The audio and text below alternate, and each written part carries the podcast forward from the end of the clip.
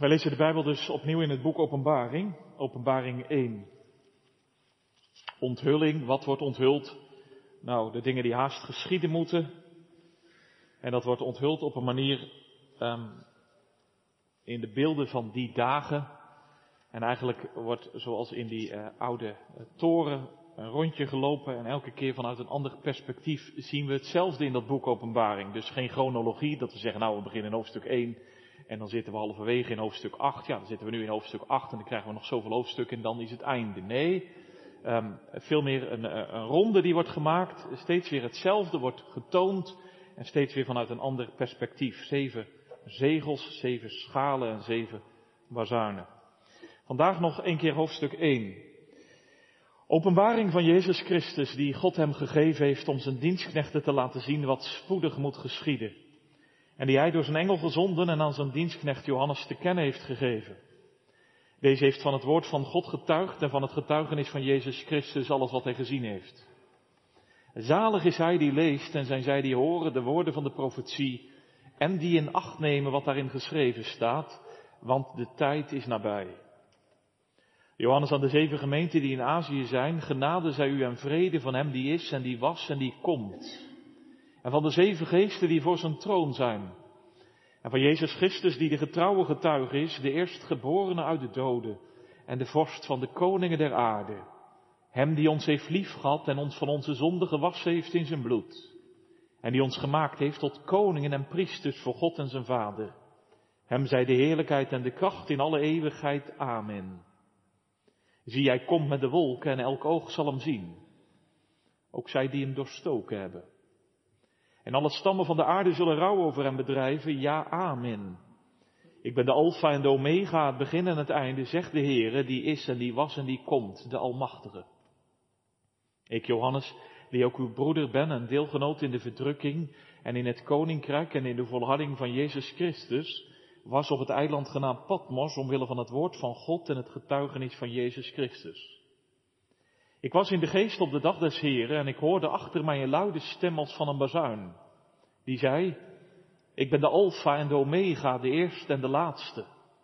En wat u ziet, schrijf dat op een boekrol en stuur het aan de zeven gemeenten die in Azië zijn. Naar Efeze, naar Smyrna, naar Pergamus, naar Thyatira, naar Sardis, naar Philadelphia en naar Laodicea. En ik keerde mij om om de stem te zien die met mij gesproken had. En toen ik mij omgekeerd had, zag ik zeven gouden kandelaren. En te midden van de zeven kandelaren zag ik iemand die op de zoon des mensen leek, gekleed in een gewaad op de voeten en op de borst omgord met een gouden gordel. En zijn hoofd en haar waren wit als witte wol als sneeuw. En zijn ogen waren als een vuurvlam. En zijn voeten waren als blinkend koper, gloeiend gemaakt in een oven. En zijn stem klonk als het geluid van vele wateren. En hij had zeven sterren in zijn rechterhand en uit zijn mond kwam een tweesnijdend scherp zwaard. En zijn gezicht was zoals de zon schijnt in haar kracht. En toen ik hem zag, viel ik als dood aan zijn voeten. En hij legde zijn rechterhand op mij en zei tegen mij, Wees niet bevreesd. Ik ben de eerste en de laatste en de levende en ik ben dood geweest en zie, ik ben levend tot in alle eeuwigheid. Amen. En ik heb de sleutels van het rijk van de dood en van de dood zelf. Schrijf nu op wat u hebt gezien en wat is en wat hierna zal geschieden. Het geheimenis van de zeven sterren die u in mijn rechterhand hebt gezien en van de zeven gouden kandelaren is. De zeven sterren zijn de engelen van de zeven gemeenten. En de zeven kandelaren die u hebt gezien zijn de zeven gemeenten. Dit is het woord van God. Spits van de preek is het twaalfde vers van hoofdstuk 1. En ik keerde mij om om de stem te zien die met mij, met mij gesproken had. En toen ik mij omgekeerd had, zag ik zeven gouden kandelaren. We schrijven boven de preek als de bazuin klinkt, als de bazuin klinkt. Gemeente, hier, eh, thuis. Je zou maar Johannes zijn.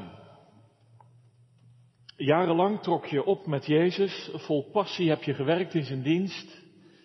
Alles gegeven voor de goede zaak, maar nu oud geworden, rond de 90 jaar en op zijn oude dag gedumpt op een eiland. 35 vierkante kilometer eenzaamheid.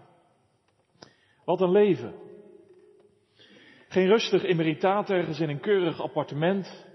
Geen dankbaar terugzien in een uh, mooie fauteuil, compleet met interview in een krant. Nee, de zorgen snijden door zijn ziel. Hij zit uitgerangeerd op een rotsachtig eiland in volstrekte eenzaamheid. Keizer Domitianus heeft zo zijn tactieken. Jezus, mensen, leiders van die Jezusbeweging, ze zijn verdacht. Ze worden in de gaten gehouden, gewantrouwd, achteruitgesteld, onheus bejegend. Wat een tijd, wat een leven. Je zou maar Johannes zijn. Alleen ergens kan dit ook dichterbij zijn dan je denkt. Wellicht niet zoals daar en toen, wij zijn niet gedumpt op een eiland, wij leven in vrijheid, dat mag waar zijn, maar kijk eens, Johannes weet zich namelijk kameraad, hij weet zich verbonden. Zo staat het in vers 9, hè? Ik, Johannes, die uw deelgenoot ben in de verdrukking, in het koninkrijk en in de volharding van Jezus Christus. Ja, zeg je, met wie weet hij zich dan kameraad? Met wie weet hij zich dan verbonden? Nou, met die zeven gemeenten. Ze zijn er. Als een wonder van de geest, gemeente van Jezus Christus. Ze zijn van boven geboren als een schepping van God zelf. Alleen hoe is het nu? Hoe gaat het met hen? Het zijn maar kleine clubjes. Ik las ergens een kleumerig kliekje in een gesloten veste. Raak gezegd. Want van alles dreigt en drukt, lijden, scheuren, inzinken, afdwalen, meegezogen worden, verwereldlijke. Van alles is gaande. En de bange vraag dringt zich op, blijft het licht in die zeven gemeenten wel branden? Of, of zal het doven gaan? Johannes heeft dus zorgen genoeg. Net als wij vandaag, toch? Want die woorden van zojuist, ze zijn ons niet vreemd als je kijkt en denkt aan de kerk in Nederland, vaak een kleumerig kliekje in een gesloten veste. En als je denkt aan de gemeente hier in Ede, allerlei invloeden en machten, ze trekken en duwen aan ouderen, aan jongeren, zou het geloof echt zijn?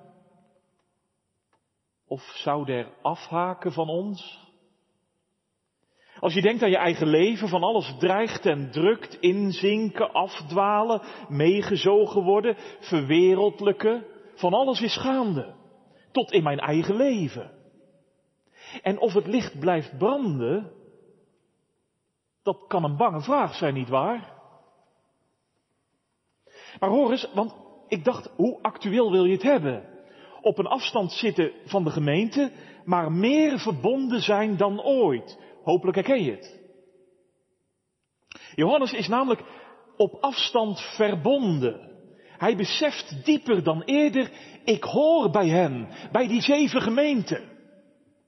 Ik hoop, ik hoop dat u en jij vandaag zo meekijkt. Niet beschouwend, het wat aankijkend, zo vanuit de bank, als een ver van je bed gebeuren, zonder echte verbinding. Nee, maar zoals Johannes, betrokken, begaan zo verbonden zijn en blijven met de gemeente van Christus te Ede. Want het is de dag des Heren, staat er. Sommigen zeggen dat is de zondag. Dat is de dag van de opstanding van Jezus. Dat is een mooie gedachte, hè? Dat de levende zich openbaart juist op die dag. Daarom zitten we hier vanavond. Daarom schakelde je weer in. Om de levende te ontmoeten, niet waar? Maar ik denk dat die dag des Heren nog een diepere betekenis heeft.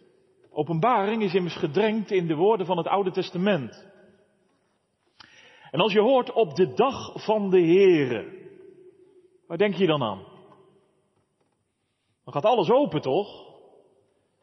De profeten spraken er immers over, ze kondigen die dag aan, de bazuin klinkt en ze roepen en zeggen, de dag van de Heren komt. Wie kan die dag verdragen? Wie zal staande blijven op die dag? De dag van recht en de dag van gericht. Hier ook.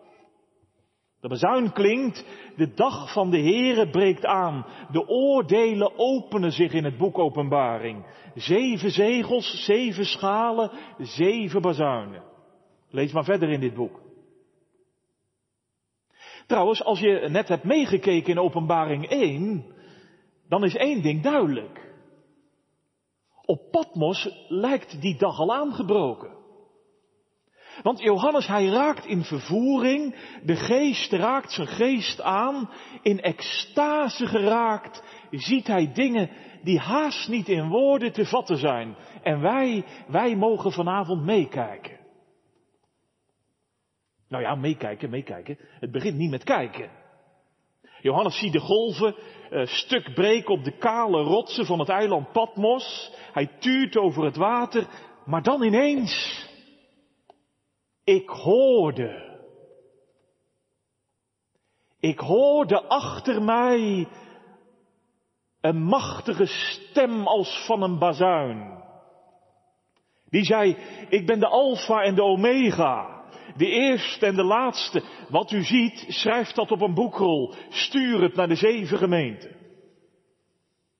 Ja, nu breekt alles open. Wat nu gebeuren gaat, het is haast niet te zeggen voor Johannes wat hij hoort en ziet. Zie je dat? Want niet voor niets staat er steeds dat woordje als, hè? Hij hoort een stem als een bazuin, haren als witte wol en sneeuw, ogen als een vuurvlam, voeten als blinkend koper, een stem als van vele wateren. Je voelt in dat woordje als de worsteling van Johannes. Je ervaart zijn zoeken naar woorden. Johannes zegt daarmee, wat ik zag, het is haast niet te beschrijven. Maar als je het ergens mee vergelijken wilt, doe het dan maar hiermee. Een bazuin. Witte wol. Een vuurvlam. Gloeiend koper. Vele wateren.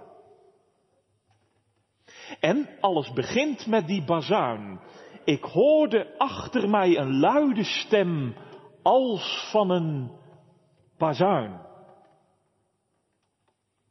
Hé, hey. hoor je het ook? Luister je wel? Ik bedoel, waarom staat het er zo? Waarom klinkt die stem van Jezus als een bazuin? Je voelt wel aan, dat is natuurlijk niet voor niets. Want daar staat shofar, zo'n kronkelige hoorn van een ram. Ik zat op internet even naar dat geluid te luisteren.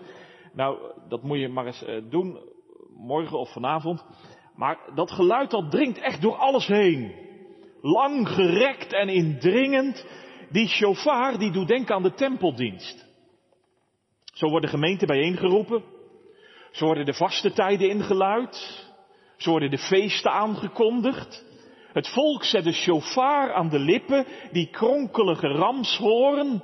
Kijk, bijvoorbeeld bij de inname van Jericho, dat weten zelfs de kinderen en de jongeren vanavond, toch? Het volk loopt rondjes rond die stad, dag na dag. En uiteindelijk de shofar klinkt, nu breekt de overwinning aan. Nee, dat is niet tegelijk te zien. Want sommigen die zullen waarschijnlijk gelachen hebben, die op die muren stonden, die dachten, nou wat is dat voor een raar gebeuren. Dat mag waar zijn, maar het gebeurt. De overwinning wordt behaald. Profeten spreken daarom meer dan eens over de shofar. Joël bijvoorbeeld, Joël die zegt in zijn tweede hoofdstuk, hij zegt, blaas de shofar in Sion, want de dag van de Heere komt, ja is nabij. Dit is dus de overwinningstoon van God. Te midden van al die zorgen die Johannes heeft over zijn leven, over de gemeente, te midden van al die sores die hem neerdrukken, hoort hij die shofar en het geluid weer kaatst tegen de rotsen op Patmos. De oude oren van Johannes gaan wagenwijd open. Het oude gezicht van de apostel raakt helemaal in vervoering. Want die shofartonen willen Johannes bemoedigen. Dat indringende geluid vertelt, Johannes, de tijd is nabij. De dag van de Here komt. Het is niet verloren, het is niet over en uit. Nee, de overwinning is op handen. Hoor je het, Johannes? Door al je zorgen heen. Te midden van al je eenzaamheid op het eiland Patmos. Dit mag je weten. Het gaat goed met de zaak waarvoor je diende. Het staat er goed voor met de zaak van Jezus. Ja, gemeente, als ik, ik, ik dacht toen ik deze preek maakte, ik dacht als ik zo'n chauffeur had en er ook nog op blazen kon, dan zou ik vandaag in deze oude kerk erop geblazen hebben. Nee, niet als een vermaakmomentje in de dienst, dat je zegt, nou, die molenaar had ook weer eens wat. Maar dat u het horen zult, hè. En dat het door merg en been zal gaan. Die overwinningstoon. Dat je het vanavond diep tot je ziel laat doordringen. Want juist vandaag hebben we dat zo nodig, toch? Te midden van al de zorgen die je kunt hebben over de gemeente. Vaak een kleumerig klikje in een gesloten vesten. Zorgen over hoe het zal gaan in ons land. Zal de kerk nog meer krimpen, nog meer scheuren gaan? Over je leven, zal ik het volhouden in deze tijd? Niet meegezogen worden, verwereldlijken? Over je kinderen, zullen ze afhaken, wegdrijven? Over, vul maar in. Maar hoor dan eens vanavond. Want ik hoorde achter mij een machtige stem als van een bazuin. In al dat onheil. Te midden van al die zorgen. Voordat het boek Openbaring zich verder openen zal. En de oordelen losbarsten. De crisis over deze wereld heen gaan. Klinkt nu al de overwinningstoon. Lang gerekt en indringend. Iets van Johannes. Zeven gemeenten. Gemeente van Ede. Luister. Het is niet verloren. Het is niet over en uit. Maar de overwinning is op handen. De dag van de Here is nabij en het gaat goed met de zaak van Jezus ook vandaag. Het staat er goed voor met de zaak waarvoor we dienen.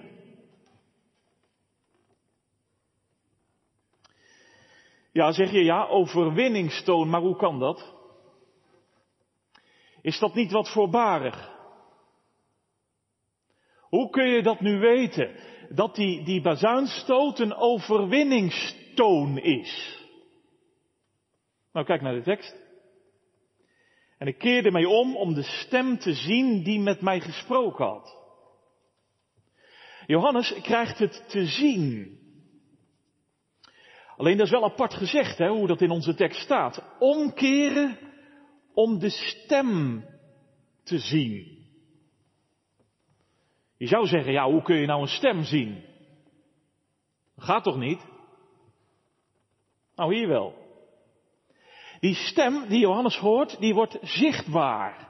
Die overwinnende shofartoon, je kunt hem zien. En ik zou maar meekijken. Want Johannes, hij keert zich om en wat ziet hij? Deplorabele gemeente.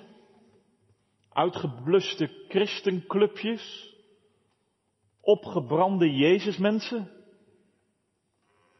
Nee, en ik keerde mij om om te zien de stem die met mij gesproken had en toen ik mij omgekeerd had, zag ik zeven gouden kandelaren. Zo. Wat een visioen, hè? Dat moet je even meekijken.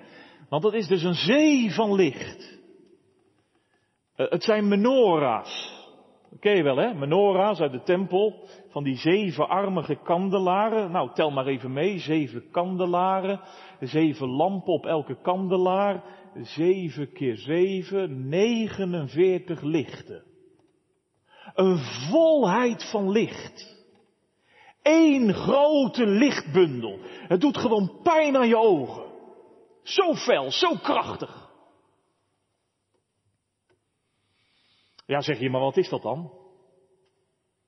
Wat ziet Johannes dan in die zeven kandelaren? Nou, vers 20.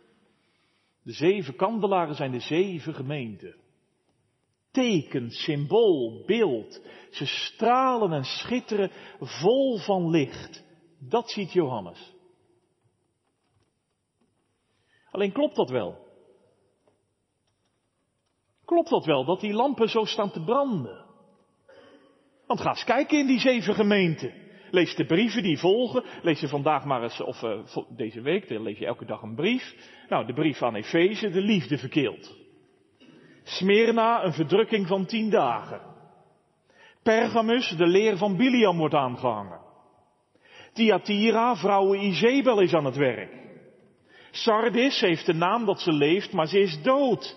Philadelphia, het uur van de verzoeking komt. En Laodicea, niet koud, niet heet, lauw.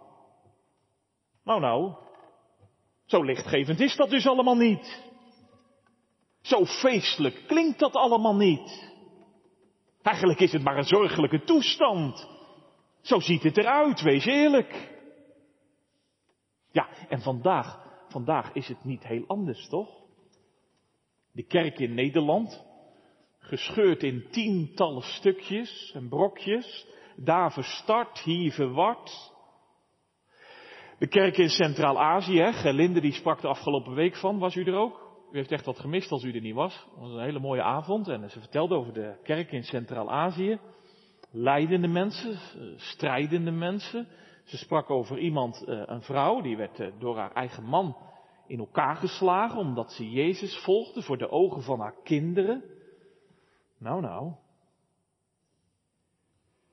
Trouwens, in je eigen leven, sta ik nu altijd zo te schitteren? Ben ik nu altijd zo'n stralende christen?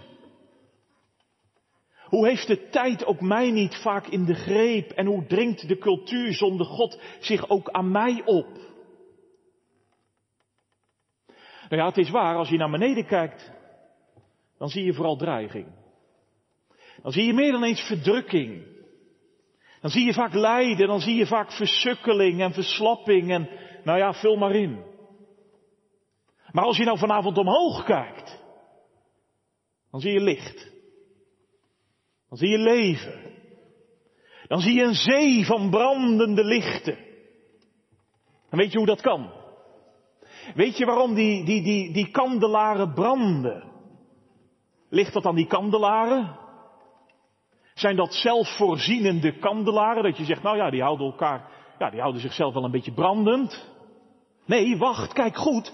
Want te midden van die lichtzee, Johannes, hij ziet iemand. Daar wandelt iemand.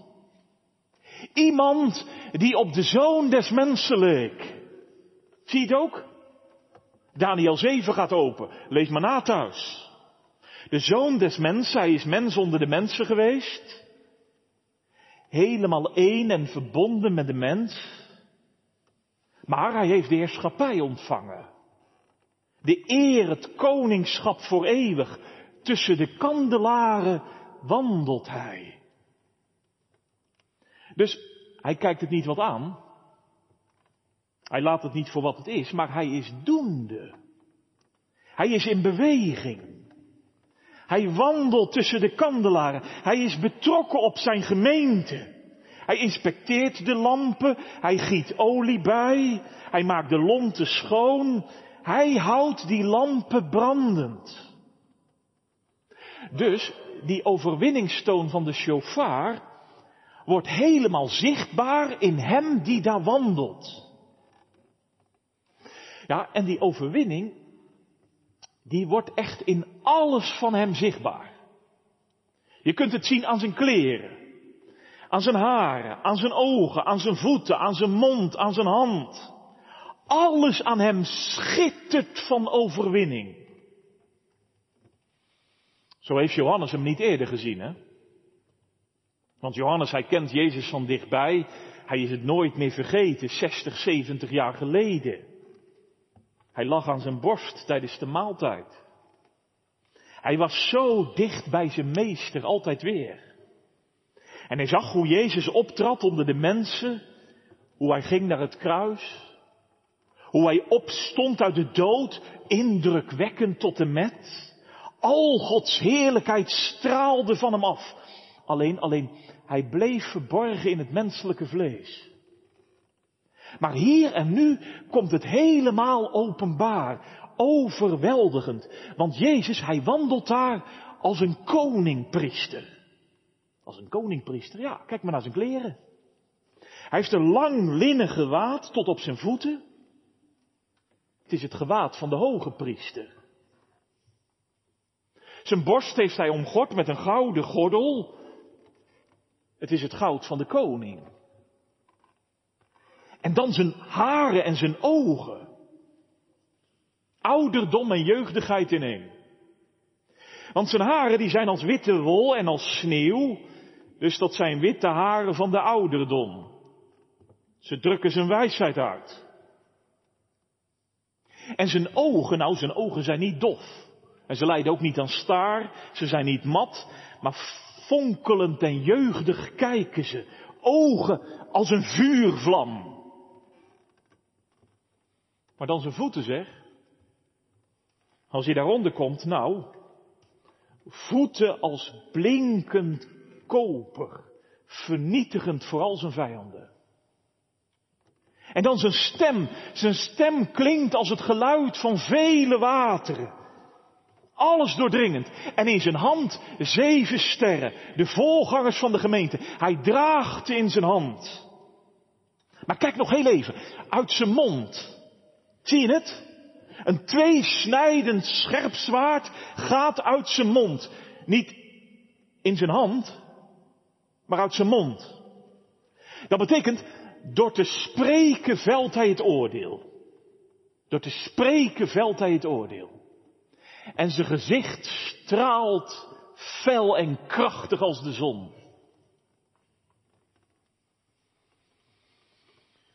Ja, Johannes kan niet meer blijven staan. De heilige komt hem zo nabij. De levende dringt op hem aan. Die verbannen apostel houdt het niet meer.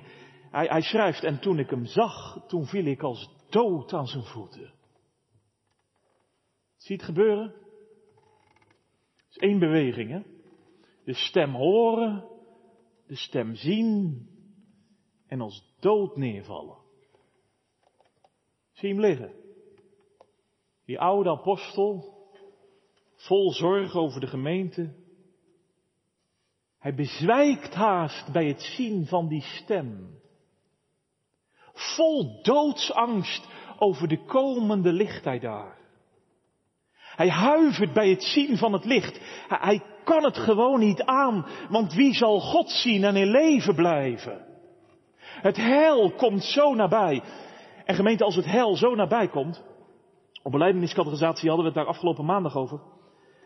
Als het hel heel dichtbij komt in je leven, dan voelt Johannes hoe ver weg wij daarvan zijn. Snap je dat? Als God heel dichtbij komt in je leven, dan voel je tegelijkertijd ook hoe ver weg je daarvan bent. Al zijn organen, ze raken verdoofd. Als dood aan zijn voeten. Eén stap en hij ligt eronder. Ja, kijk goed, kijk goed. Want Johannes is niet achterover gevallen, hè? Staat er niet. Zoals de soldaten bij het graf van Jezus. Dan staat er, ze vielen achterover en ze werden als doden. Zodra ze weer kunnen, vluchten ze weg bij het licht. En zodra ze weer een beetje bijkomen, rennen ze weg bij het leven vandaan. En misschien, misschien komt dat wel akelig dichtbij. Want je luistert naar de preek hier thuis. Zo goed en kwaad. Maar ja, als je heel eerlijk bent, je druk maken om de gemeente van Christus. Jezelf eh, afvragen in je leven, zal ik het houden? Zal ik niet wegraken? En jezelf bezighouden met de vraag, eh, hoe zit het eigenlijk met mij? Val ik nu voor hem of sta ik nog steeds kaarsrecht overeind? Nee, als je heel eerlijk bent, je zit hier vanavond en fijn dat je dit zit, maar je zegt heel eerlijk, ja, daar ben ik niet mee bezig in mijn leven. Want er is geen werkelijk geloof in je leven. Er is geen vertrouwen op Christus in je bestaan. Ben jij dat? U. Neem het dan vanavond wel ter harte, hè?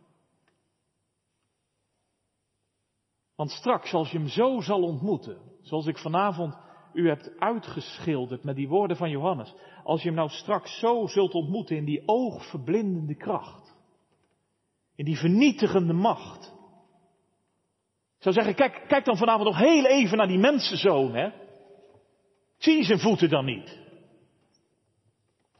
Ze zullen je vertreden op de dag van de Here. Als je niet gelooft in Hem.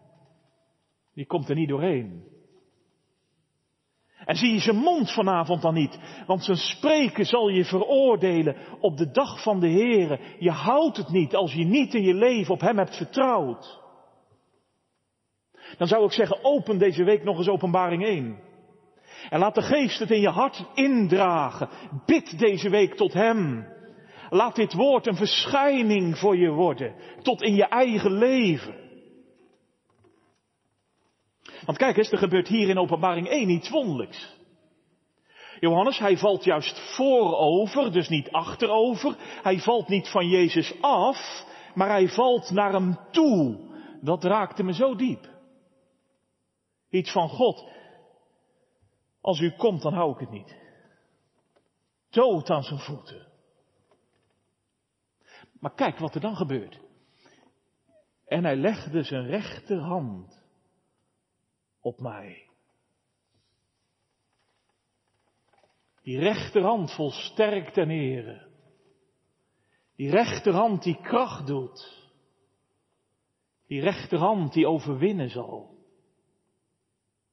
En de stem klinkt weer, die stem die klonk als het geluid van een bazuin, die stem die klonk als het geluid van vele wateren. Hij wordt weer gehoord. Wat zou hij zeggen? Wat zou hij spreken gaan? Hoor. Wees niet bevreesd. Wat een woord, hè? Wat een zin is dat. Dat is de bevrijding van de vrees. Johannes, hij wordt, hij wordt in die hand getrokken naar het nieuwe leven. Die stem die spreekt en die zegt, wees niet bevreesd. Ik ben het. Ik ben geen vreemde. Ik ben de man uit Nazareth. Ik ben je redder. Ik ben dood geweest. Hoor je dat? Zo verlossend, hè? Zo verlossend dat die stem zo spreekt. Kolbrugge die drukt het heel mooi uit. Hij zegt hierbij, die stem die zegt, Johannes, jij hoeft niet dood te zijn. Want ik ben niet voor mezelf gestorven, maar voor jou. En voor al mijn geliefden. Johannes, ik wil jou niet als een dode zien. Want jij moet vol zijn van mijn leven. Jij mag vol raken van mijn vrede en vreugde. Johannes, mijn lieveling, laat nou al je angsten varen. Laat je zorgen varen. Ik zal je niet doden, mijn kind. Daarvoor heb ik je veel te lief. Mooi gezegd, hè? Johannes, jij hoeft niet dood te zijn. Want ik ben niet voor mezelf gestorven maar voor jou. Ik zal je niet doden, mijn kind, want daarvoor heb ik je veel te lief. Gemeente, wat moet dat een bemoediging zijn, hè? Johannes, hij sterft niet in vrees voor hem. Maar hij mag de stem zien die met hem sprak. En hij mag het neerschrijven.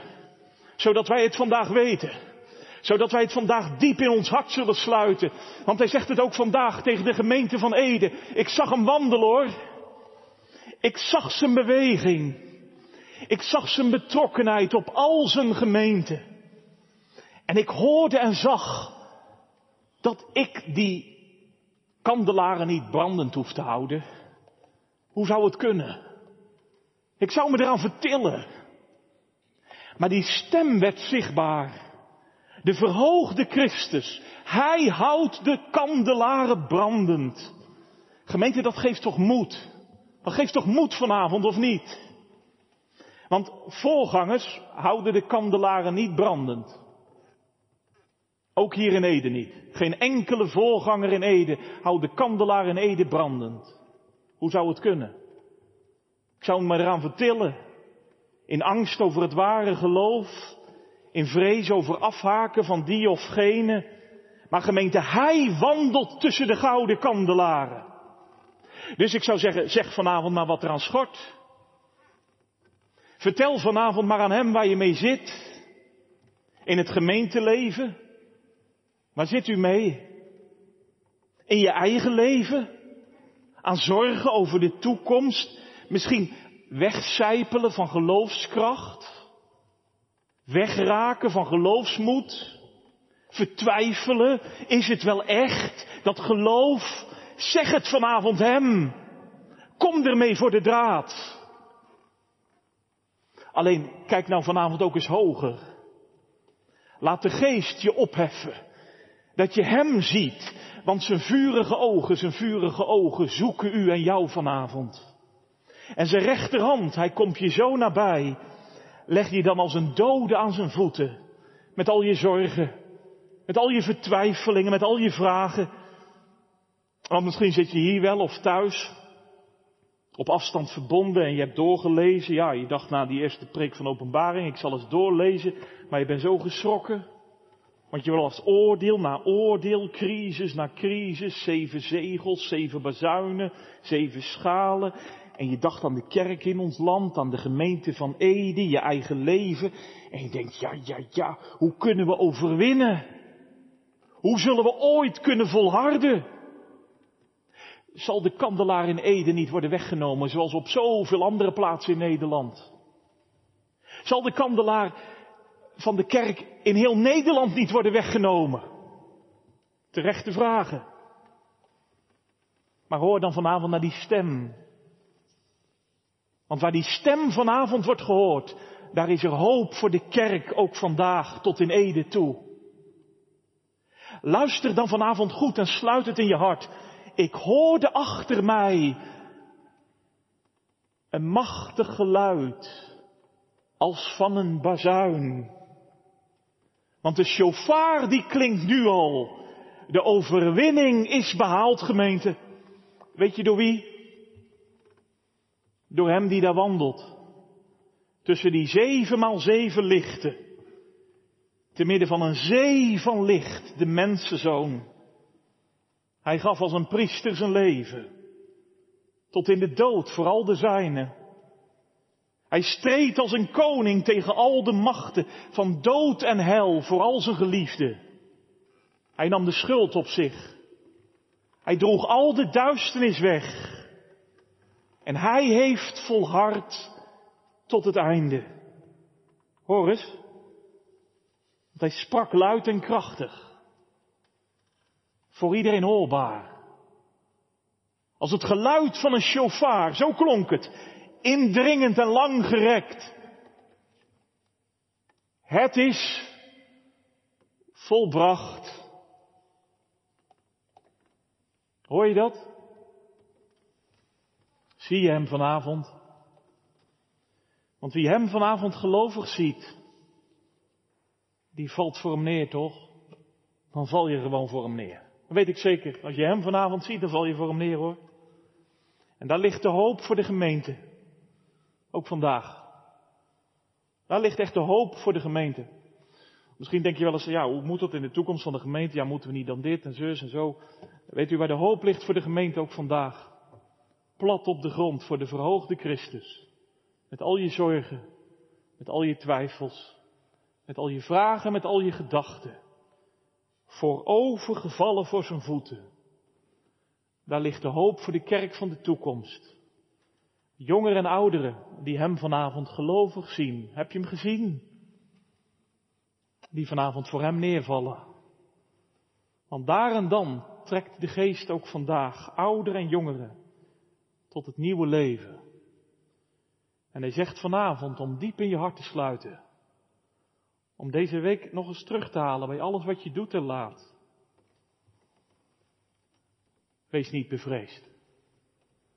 Ik ben de eerste en de laatste. En de levende. En ik ben dood geweest. En zie, ik ben levend tot in alle eeuwigheid.